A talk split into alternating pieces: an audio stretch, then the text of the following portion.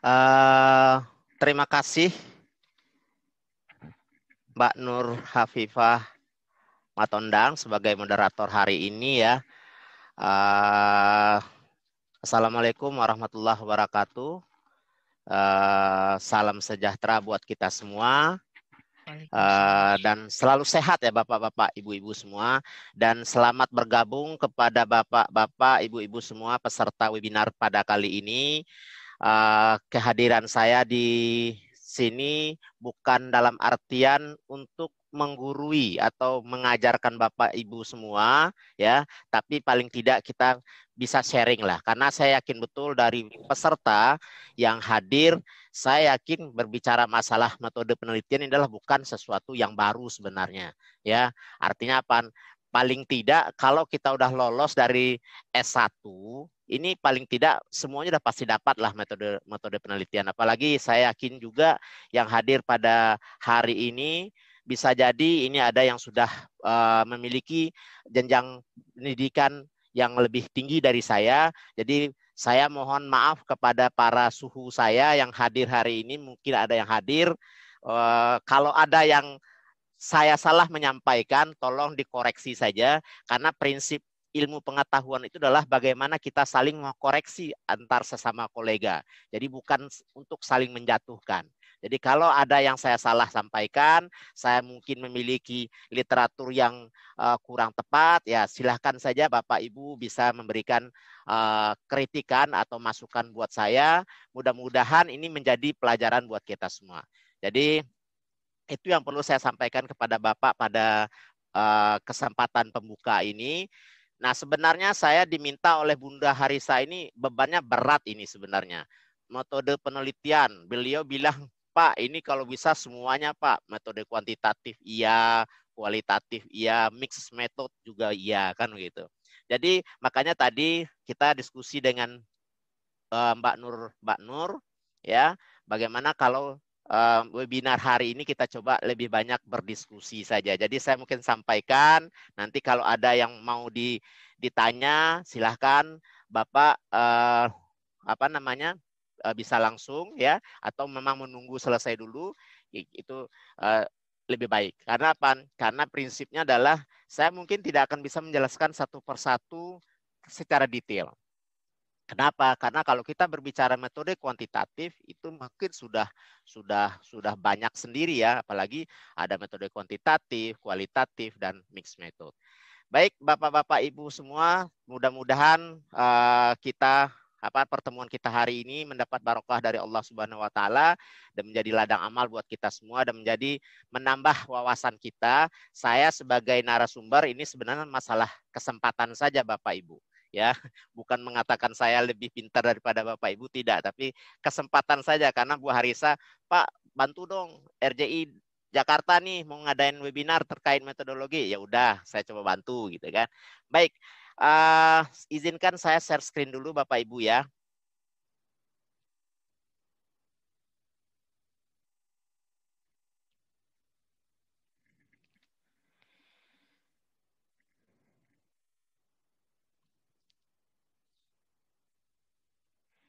Ya, baik Bapak Ibu, saya kembali memperkenalkan diri. Nama saya Nur Yasman ya.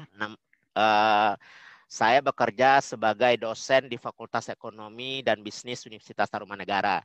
Di samping saya sebagai dosen, saya juga mendapat tugas tambahan dari pimpinan, yaitu mengelola tiga jurnal yang ada di Fakultas Ekonomi, yaitu Jurnal Manajemen, Jurnal Akuntansi, ini sudah terakreditasi Sinta 2, dan Jurnal Ekonomi ini terakreditasi uh, Sinta 4. Nah, di samping itu saya juga sebagai anggota dari RJI DKI Jakarta.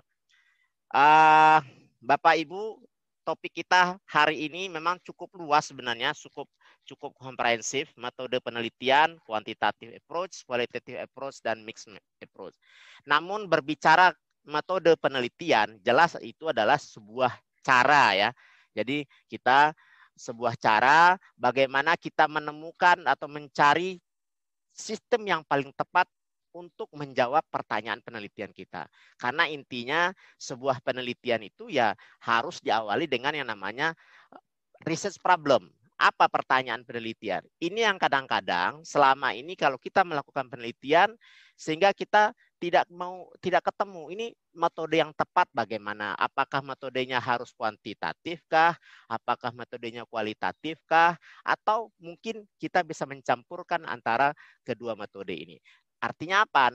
Itu harus dimulai dulu dengan adanya research problem. Apa pertanyaan penelitian kita Nah, ini saya rasa cukup jelas Bapak Ibu ya, karena kalau kita berbicara riset ya kita mencari atau meneliti atau mengulang kembali. Jadi tidak ada sebuah kebenaran itu yang hakiki benar pada hari ini belum tentu besok akan menjadi benar ya. Nah, artinya apa? Kita di kalangan akademisi atau kita di kalangan intelektual harusnya tidak bisa menjudge apa yang kita sudah hasilkan itu adalah sesuatu yang terbaik. Artinya apa? Kita sangat terbuka dengan apa masukan dan kritisi dari eh, pihak-pihak uh, lain.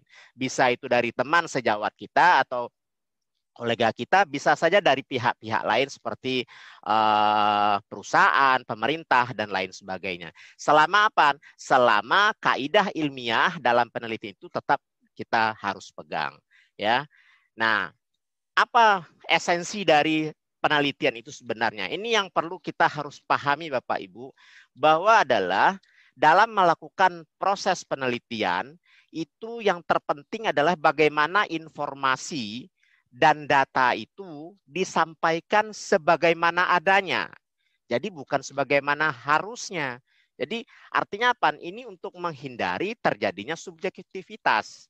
Tapi pada saat kita punya data, pada saat kita punya informasi terus disampaikan atau dipaparkan atau digunakan untuk memenuhi keinginan pihak tertentu atau kelompok tertentu.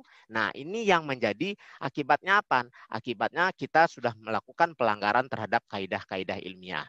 Jadi paparkan saja data apa adanya. Yang jelas apa? Saya dapat bahwa data jumlah COVID saat ini adalah sekian dari sumber ini kita nggak perlu menyatakan oh kita tidak perlu mengatakan bahwa eh, apa namanya oh data ini berdasarkan keinginan si A. Bukan. Kita nggak bisa menyatakan seperti itu. Yang jelas apa? Kita sudah punya sumbernya. Nah biarkan sumbernya itu yang mempertanggungjawabkan. Tapi yang jelas dalam proses pencarian data dan informasi itu ya jelas harus melalui beberapa proses yang dapat dibenarkan secara ilmiah ini yang terpenting prosesnya. Nah, sekarang kita lihat. Ini Bapak Ibu, kenapa saya coba mengingatkan kembali kepada Bapak Ibu terkait dengan beberapa hal yang sim, sifatnya simpel ini. Karena begini, Bapak Ibu, metode mana pun, kualitatifkah, uh, kuantitatifkah, atau mix metodkah, ini tetap berpegang kepada yang namanya research komponen. Nah, jadi perlu kita ingat kembali apa riset komponen itu. Paling tidak dalam komponen penelitian atau dalam komponen riset itu ada empat yang tidak boleh kita lupakan. Yang pertama adalah sebuah riset yang baik, sebuah riset yang benar, dia harus melewati cara yang ilmiah. Apa yang diartikan dengan cara ilmiah itu? Pertama, sifat dari eh, ciri-ciri dari sesuatu yang ilmiah itu adalah rasional. Jadi artinya apa? Artinya data atau informasi yang kita paparkan dalam penelitian kita itu dapat diterima secara akal sehat dan dapat dibuktikan serta terjangkau oleh pihak-pihak yang menginginkannya.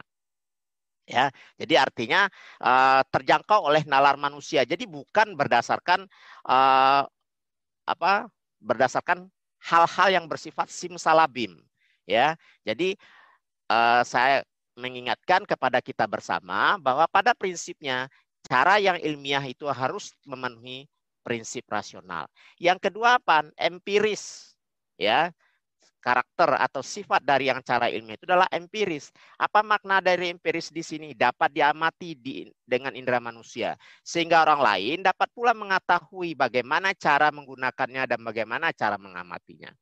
Jadi kita bisa melihat banyak sekali penelitian-penelitian ya itu semuanya bisa kita buktikan.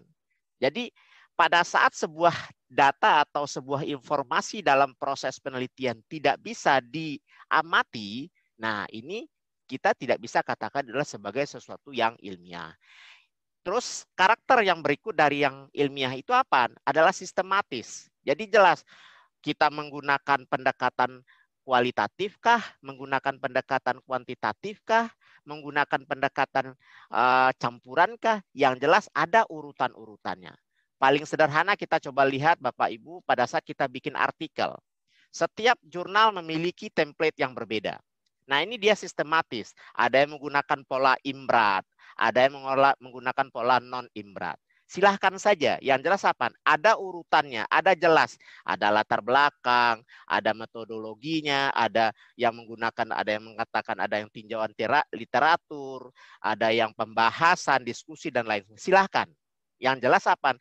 Sebuah artikel yang baik, dia atau sebuah karya ilmiah yang baik, itu harus memiliki susunan yang logis dan bisa diterima oleh uh, banyak pihak ya ini yang uh, komponen yang pertama yaitu sebuah penelitian harus memiliki komponen yang ilmiah terus yang berikut sebuah penelitian baik itu yang sifatnya kualitatif, kuantitatif ataupun campuran, kita nggak bisa terlepas dari data. Data ini bisa dalam bentuknya berbagai macam. Nanti kita coba lihat, kita coba review ulang ya. Ada uh, data. Nah, data itu apa? Pertama, data itu harus bersifat valid. Nah, ini yang kadang-kadang sering kita lupa. Ya, kita ingin mengukur sesuatu. Memang betul alat ukur itu banyak. Saya berikan contoh sederhana saja Bapak Ibu mengingatkan. Untuk mengukur berat banyak sekali ada timbangan. Timbangan itu ada yang timbangan bayi, ada timbangan orang dewasa, ada timbangan beras, ada timbangan uh, besi dan lain sebagainya. Nah, masing-masing ini harus digunakan sesuai dengan porsinya gitu. Jadi jangan sampai kita ingin menimbang orang yang dewasa, tapi kita gunakan timbangan bayi. Salah nggak? Nggak salah sebenarnya, karena sama-sama timbangan. Tetapi dia akan menghasilkan data yang tidak valid. Ya, dia akan menghasilkan data yang tidak tepat. Nah, ini yang terpenting. Hati-hati. Makanya saya sering mengatakan bahwa skala pengukuran itu penting kita pahamin. Kapan kita harus menggunakan ordinal, kapan kita harus menggunakan uh, rasio, kapan kita harus menggunakan nominal, dan kapan kita harus menggunakan interval. Kenapa? Karena masing-masing punya karakteristik yang berbeda. Yang kedua, sifat data yang baik itu adalah reliable. ya Reliable. Jadi reliable itu konsisten. Jadi dengan menggunakan alat yang sama, siapa pun yang me menggunakan alat tersebut itu paling tidak harus memberikan hasil yang sama. Kalau toh ada biasnya, biasnya itu tidak akan uh, besar ya. Dan yang berikut adalah objektif. Jadi objektif ini apa? Semua orang akan menyatakan bahwa satu tambah satu itu sama dengan dua, ya, ya. Jadi objektif. Jadi tidak ada yang berbeda. Orang mengatakan bahwa satu tambah satu itu sam tidak sama dengan dua. Ini berarti sudah ada unsur yang tidak subjektifnya. Terus, nah ini yang saya katakan tadi, data tadi dari sisi tipe kita perlu pahamin. Makanya nanti e, di dalam metode yang kita gunakan ya bisa saja mana yang seperti contoh dari sisi sifat ada kuantitatif, ada kualitatif. Nah ini saya rasa ini cukup jelas lah ya. Dari sisi sumber ada yang bersifat internal dari dalam, dari eksternal. Cara perolehan data primer, sekunder, waktu pengumpulan bisa bersifat cross section time series, kombinasi dari keduanya yang bersifat data panel. Nah, ini yang sering kita bermainnya di sini Bapak Ibu, terutama orang kuantitatif berbicaranya di sini. Discrete, ordinal, interval, rasio dan lain sebagainya, ya. Ini kita ini saja. Nah, ini beberapa contoh yang uh, pengertian dari kuantitatif data ya. Jadi kuantitatif data itu adalah data yang dinyatakan dalam angka atau data kualitatif yang diangkakan. Nah, contoh, kita sering mengatakan berbicara perilaku. Perilakunya itu adalah kualitatif, tapi pada saat kita berikan dia scoring, dia udah berubah menjadi kuantitatif. Ya, jadi pada saat kita menggunakan apakah saya senang, apakah saya suka, saya tidak suka dengan uh, ikut seminar ini umpamanya atau saya uh, penilaian saya persepsi saya terhadap seminar ini rendah Artinya apa? Itu sebenarnya adalah kualitatif. Tetapi pada saat saya berikan skor untuk rendah satu, skor untuk tinggi 5 umpamanya. Nah, ini berarti apa? Kita sudah mulai melakukan perubahan dari data kualitatif menjadi data kuantitatif ya. Ini uh, nah ini yang data kontinum ya ordinal ya. Jadi berbentuk ranking. Nah, perlu saya ingatkan, nah ini yang mungkin sekaligus karena berbicara instrumen atau alat gitu ya. Nah, kita harus hati-hati. Banyak di antara teman-teman menggunakan data ordinal dan data interval ya serta data nominal ini mencari rata-rata. Sebenarnya apa? Data ordinal, data interval itu enggak ada kalau toh dicari rata-rata ya semuanya bisa dicari rata-ratanya, tetapi tidak tidak tidak memberikan makna apa-apa. Ya, nah, artinya apa? Pada konteks data interval, data ordinal, dia tidak bisa dijumlahkan atau operasi matematik tidak berlaku. Berarti apa? Kalau dia operasi matematik tidak berlaku, ya berarti dia tidak akan menghasilkan yang namanya eh, rata-rata. Uh, bisa nggak menghasilkan median? Bisa. Bisa nggak menghasilkan nilai maksimum? Ada. Bisa nggak menghasilkan nilai minimum? Ada. Tetapi tidak ada di situ rata-rata. Makanya saya sering mengingatkan kepada teman-teman, uh, kalau sudah menggunakan data ordinal, sudah menggunakan data interval, rasanya saat ini kurang tepat lagi kita menggunakan yang namanya SPSS untuk pengolahan datanya. IBM sendiri sekarang sudah mengeluarkan yang namanya AMOS untuk menggantikan fungsi dari SPSS ya nanti kita bisa diskusikan untuk menggantikan fungsi SPSS kalau data kita adalah data ordinal dan data interval. Terus bagaimana dengan data rasio? Ya data rasio adalah data yang paling kualitasnya paling bagus, semuanya bisa kita lakukan. Artinya apa? Ya di situ berlaku yang namanya fungsi apa prinsip matematik. Jadi artinya apa? Bisa nggak pakai SPSS? Bisa. Ya, ini yang perlu kita garis bawahi. Nah, data kualitatif itu adalah dinyatakan dalam bentuk kata, kalimat, atau gambar. Jadi makanya orang-orang yang melakukan pendekatan kualitatif itu sebenarnya daya interpretasinya jauh lebih hebat sebenarnya dibandingkan orang-orang yang bergerak di atau bermain di data kuantitatif. Kenapa? Karena data kuantitatif hanya sekedar membaca data yang ada. Nah, sementara orang ber, yang melakukan pendekatan kualitatif, dia bisa menjelaskan gambar sedetail mungkin. Dia bisa memberikan interpretasi yang sangat luar biasa terhadap data yang ya yang ada, ya. Nah, selanjutnya kita lihat uh, kembali ke komponen berikut yaitu tujuan. Apa tujuan dari sebuah penelitian? Nah, saya ingatkan tujuan peneliti itu adalah penemuan, ya.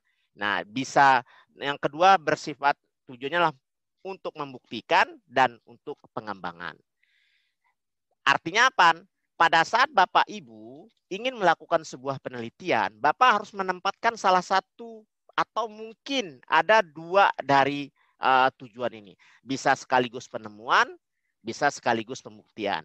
Tapi banyak kita supaya lebih fokus sebaiknya ke, apa lebih diarahkan kepada satu tujuan saja yaitu pembuktian Ya, biasanya pembuktian itu kita melihat penelitian-penelitian yang sudah ada sebelumnya, kita coba apa benar dan kita sesuaikan apakah cocok nggak dengan lokasi atau wilayah tempat kita melakukan penelitian.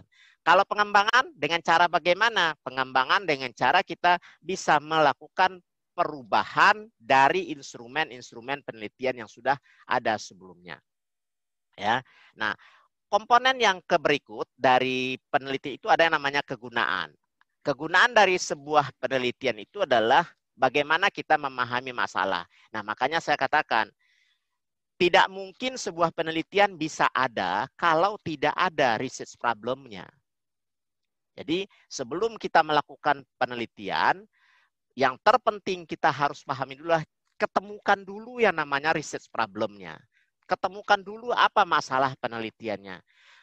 Apakah nanti Bapak Ibu akan menggunakan pendekatan kuantitatif kah, kualitatif kah, atau mix method kah, itu nggak ada masalah. Tapi pada saat masalah atau research problemnya tidak ketemu, nah ini problem ke berikutnya.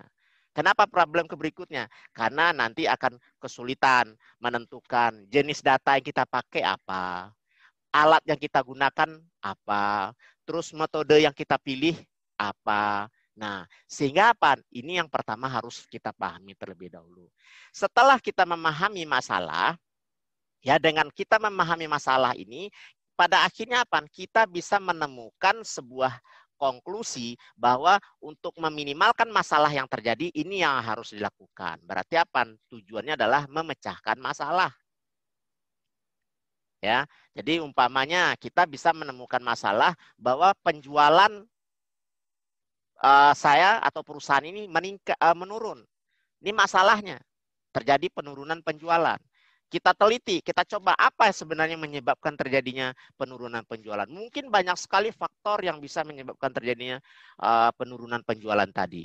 Baik itu bersifat internal maupun yang bersifat eksternal.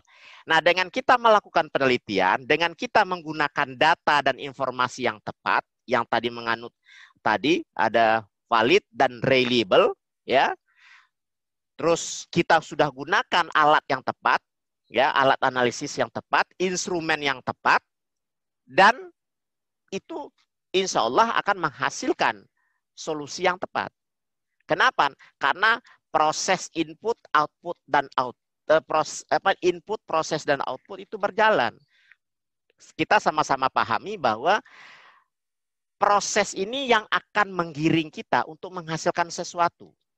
Jadi pada saat Bapak Ibu punya input yang baik sekalipun, tetapi prosesnya salah, prosesnya tidak tepat, jangan harap outputnya akan tepat. Input yang baik, proses yang baik itu masih saja outputnya bisa salah. Ada bias di situ, ada error di situ.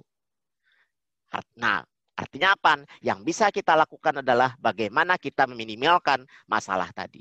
Dengan apa? Dengan kita menemukan berbagai faktor seperti kasus tadi saya katakan apa yang menyebabkan penurunan penjualan. Ternyata setelah kita teliti ternyata berbagai faktor. Contoh, produk kualitas produk tidak baik, tidak bagus. Harga produk tidak bersaing.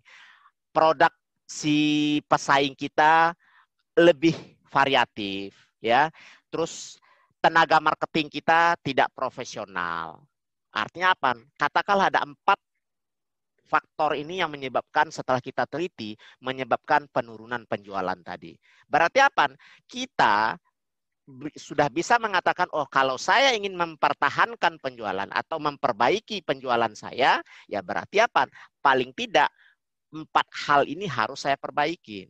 Kualitas produk saya harus perbaiki, kalau produk saya sifat tidak variatif, saya harus bikin sesuatu yang variatif.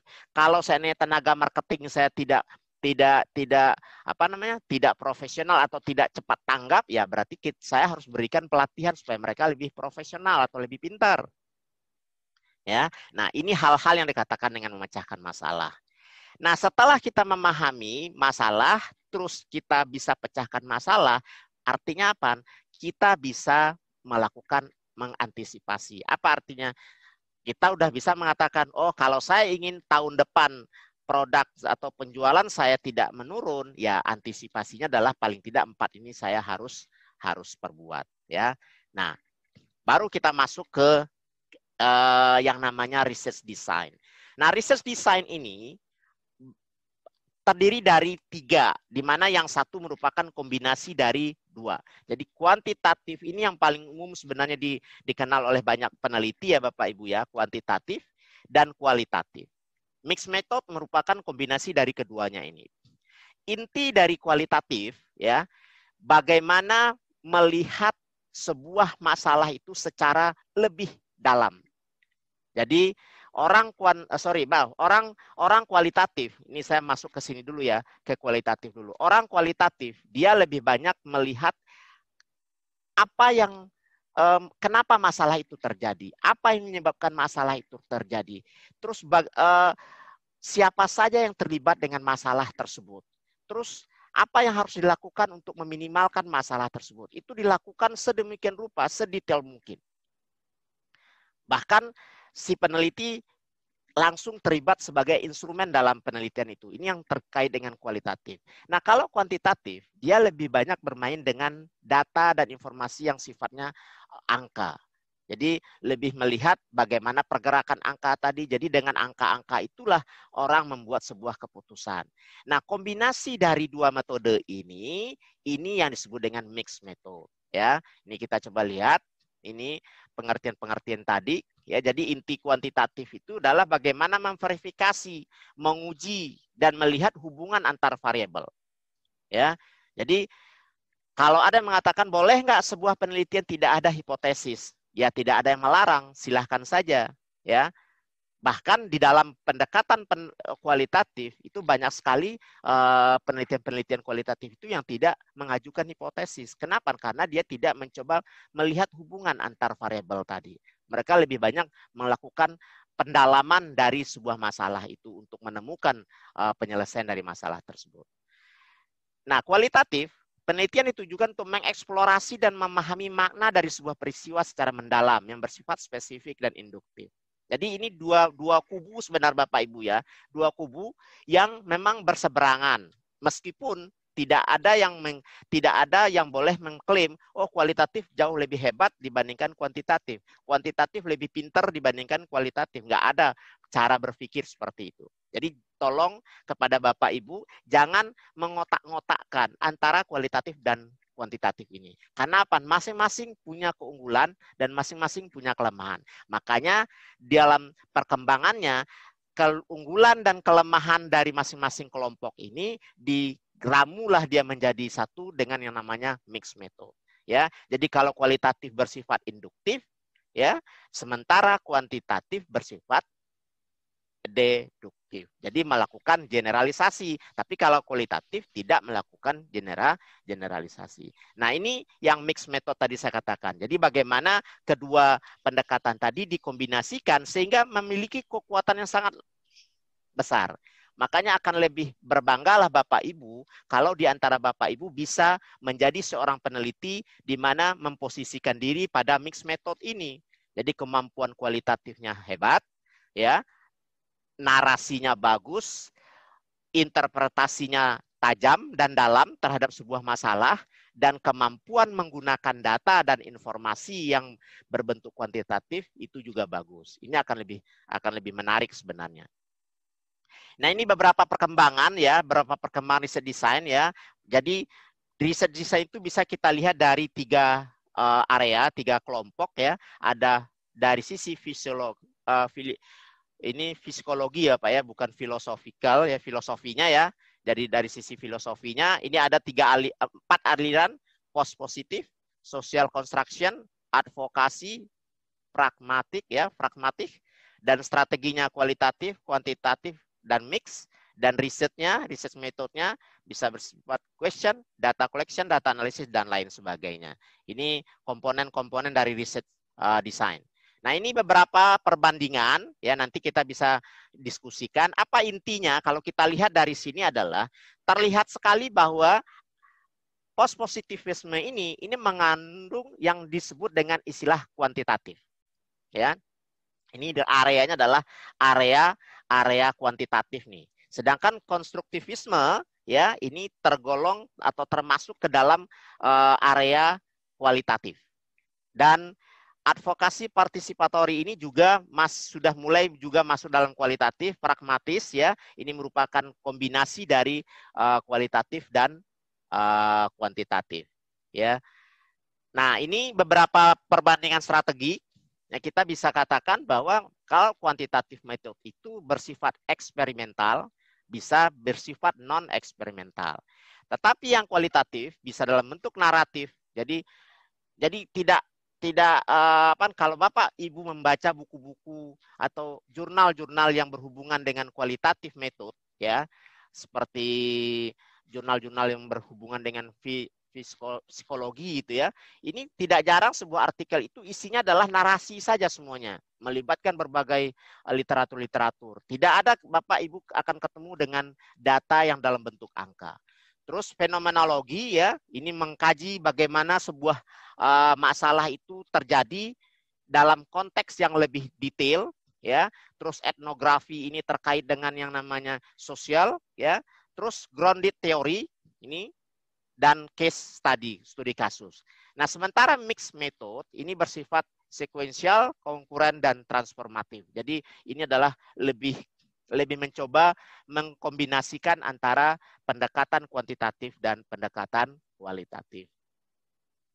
Nah, ini beberapa tipe ya, beberapa tipe dari research method. Kita lihat bagaimana uh, data itu dikumpulkan. Nah, apa intinya saya katakan di sini, Bapak Ibu bisa lihat di sini bahwa kalau kuantitatif itu andalannya adalah bagaimana data itu digunakan dan bagaimana data itu diolah secara statistik. Sementara kualitatif di sisi yang lain atau di di di daerah yang lain ini lebih mengandalkan kepada bagaimana uh, interview atau data itu dikaji sedemikian rupa sedalam mungkin dengan menggunakan berbagai dokumen ya. Jadi bisa dalam bentuk gambar, bisa dalam bentuk tulisan, bisa dalam bentuk uh, video ya dan it, bagaimana mereka melakukan analisis terhadap uh, sebuah gambar itu sangat secara sangat mendalam. Nah, kombinasi dari keduanya ini muncullah yang namanya mix method. Ya, ini mungkin nanti kita bisa diskusikan lebih jauh ya. Ini uh, saya sempat saja. Nah, ini beberapa perbandingan ya bagaimana perbandingan antara kualitatif, kuantitatif dan mix method. Nah, kalau kita lihat dari karakteristik pertama asumsi filosofisnya, kualitatif approach itu lebih bersifat konstruktif advokasi dan partisipasi. Jadi artinya apa? Semua orang yang terlibat dalam penelitian tadi itu diikut sertakan. Jadi tidak ada di situ hubungan yang yang yang yang jelas antara peneliti dengan si respondennya. Bahkan si peneliti bisa menjadi responden. Bahkan apa responden hari ini mungkin bisa berganti responden yang lain besoknya, bisa tidak ikut lagi. Jadi lebih bersifat uh, partisipasi dan konstruktif. Sedangkan kuantitatif ini lebih bersifat pos positif. Jadi asumsinya adalah ya terkait tadi, artinya ya kepada verifikasi, melihat hubungan sebab akibat dan lain sebagainya. Sementara kalau mixed method ini lebih bersifat pragmatis. Ya, bagaimana mencoba mengkombinasikan antara pandangan dari kualitatif dengan kuantitatif. Nah, strateginya tadi kita udah lihat di sini dia kalau kualitatif itu bisa dalam bentuk fenomena, ya, fenomenologi, grounded teori, etnografi dan lain seterusnya ya, survei dan eksperimen ya, ini sudah sering kita lakukan. Nah, metodenya apa? Nah, metodenya kalau kualitatif itu bersifat pertanyaan terbuka.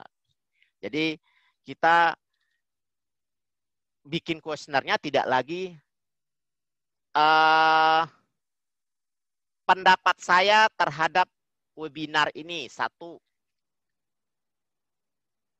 tidak senang sampai lima sangat senang. Bukan seperti itu lagi. Jadi diberikan si responden untuk memberikan kesempatan menuangkan apa yang dia bisa pahami, apa yang dia bisa atau persepsikan terhadap webinar ini. Jadi diberikan pertanyaan terbuka. Nah, di sinilah nanti si peneliti setelah mengumpulkan semuanya dari semua responden, mereka melakukan uh, apa, verifikasi dan melakukan sesuatu yang lebih dalam lagi dengan berbagai pertanyaan terbuka ini. Terus emerging approach ya, lebih uh, mengikuti pendekatan yang sering berubah sesuai dengan kondisi yang ada. Terus kalau kuantitatif ya pertanyaan tertutup ya ditentukan sebelumnya. Datanya bersifat numerik. Sedangkan mixed method itu merupakan perbandingan antara kuantitatif dan kualitatif. Nah, ini yang menarik sebenarnya Bapak Ibu dari sisi peneliti. Dari sisi peneliti, kualitatif itu atau kualitatif approach, peneliti bisa sebagai partisipan. Jadi partisipan ya, peneliti ya bisa. Kalau kuantitatif, si peneliti itu ya sifatnya menguji, dia memverifikasi atau menginterpretasikan teori yang ada. Nah, sementara mixed method itu mengumpulkan data kualitatif dan kuantitatif. Terus apalagi dari sisi kualitatif, peneliti itu mengumpulkan masukan informasi dari partisipan. Ya, jadi mengumpulkan partisipasi dari partisipan, terus fokus pada konsep, adanya pengaruh nilai pribadi dalam penelitian. Jadi artinya apa? Kalau saya katakan kualitatif itu lebih subjektif ya, sedangkan kuantitatif itu bebas nilai ya. Jadi kalau kita bicara bagaimana antara uh, uh, keterkaitan bebas nilai antara kualitatif dengan kuantitatif ya jelas. Kalau kuantitatif jelas dia bebas nilai. Dia benar menjelaskan apa yang ada dari data. Tidak akan menambah dan tidak akan menguranginya. Tapi kalau yang kualitatif bisa masuk nilai pribadi. Apa contoh uh, bisa saja orang melihat satu fenomena dari sudut pandang yang lain. Ya bisa saja contoh ada yang mengatakan oh saya maunya melihat penurunan penjualan itu dari aspek internal saja. Ya silahkan. Nah ini akan berbeda pandangannya pada saat kalau penurunan penjualan itu dilihat dari aspek aspek eksternalnya. Sementara kalau mix method itu bagaimana mereka memvisualisasikan prosedur dalam penelitian lebih besar. Nah, ini validasi ya peneliti itu memvalidasi akurasi dari temuan ya terus kuantitatif observasi dan melakukan pengukuran informasi secara numerik jadi intinya adalah kalau boleh saya katakan kualitatif dan kuantitatif itu adalah satu area atau dua area memang berbeda ada benang merahnya ya antara kualitatif dan kuantitatif approach tapi tidak ada tidak boleh ada uh, pemikiran bahwa kualitatif lebih hebat dibandingkan kuantitatif atau sebaliknya ya. Kenapa? Karena masing-masing uh, berada pada jalur uh, yang berbeda memang, ya. Nah, makanya untuk itu muncullah mix method di mana dalam sebuah dalam peneliti itu kita bisa mengkombinasikan antara uh, kuantitatif dan kualitatif. Tapi memang berat memang kalau menggunakan mix method ini. Pertanyaan yang paling menggelitik sebenarnya adalah kapan kita harus menggunakan kualitatif kuantitatif, dan mix method. Ini sangat ditentukan oleh tiga kriteria penting. Pertama, ini yang saya katakan tadi, research problemnya, terus pengalaman penelitinya, dan siapa uh, audiensnya, atau siapa penggunanya, dan siapa respondennya yang kita akan gunakan. Ya, inilah mungkin. Nah, terakhir mungkin ini beberapa uh, beberapa apa contoh artikel ya yang bisa Bapak Ibu lihat nanti boleh dicek mana saya coba carikan tapi kuantitatif saya nggak munculkan Bapak Ibu ya karena kuantitatif sudah sangat umum sekali. Ya ini ada kualitatif ada dari psikologi and marketing ya. Terus yang mix method juga ada tiga silahkan nanti karena saya yakin uh, pihak panitia nanti akan membagikan uh, PPT ini kepada Bapak Ibu ya silahkan nanti coba dilihat. Ya Baik Bapak Ibu, mungkin paparan saya di situ dulu ya. Kalau iya. ada yang mau ditanya atau mau didiskusikan, saya berikan kesempatan. Silakan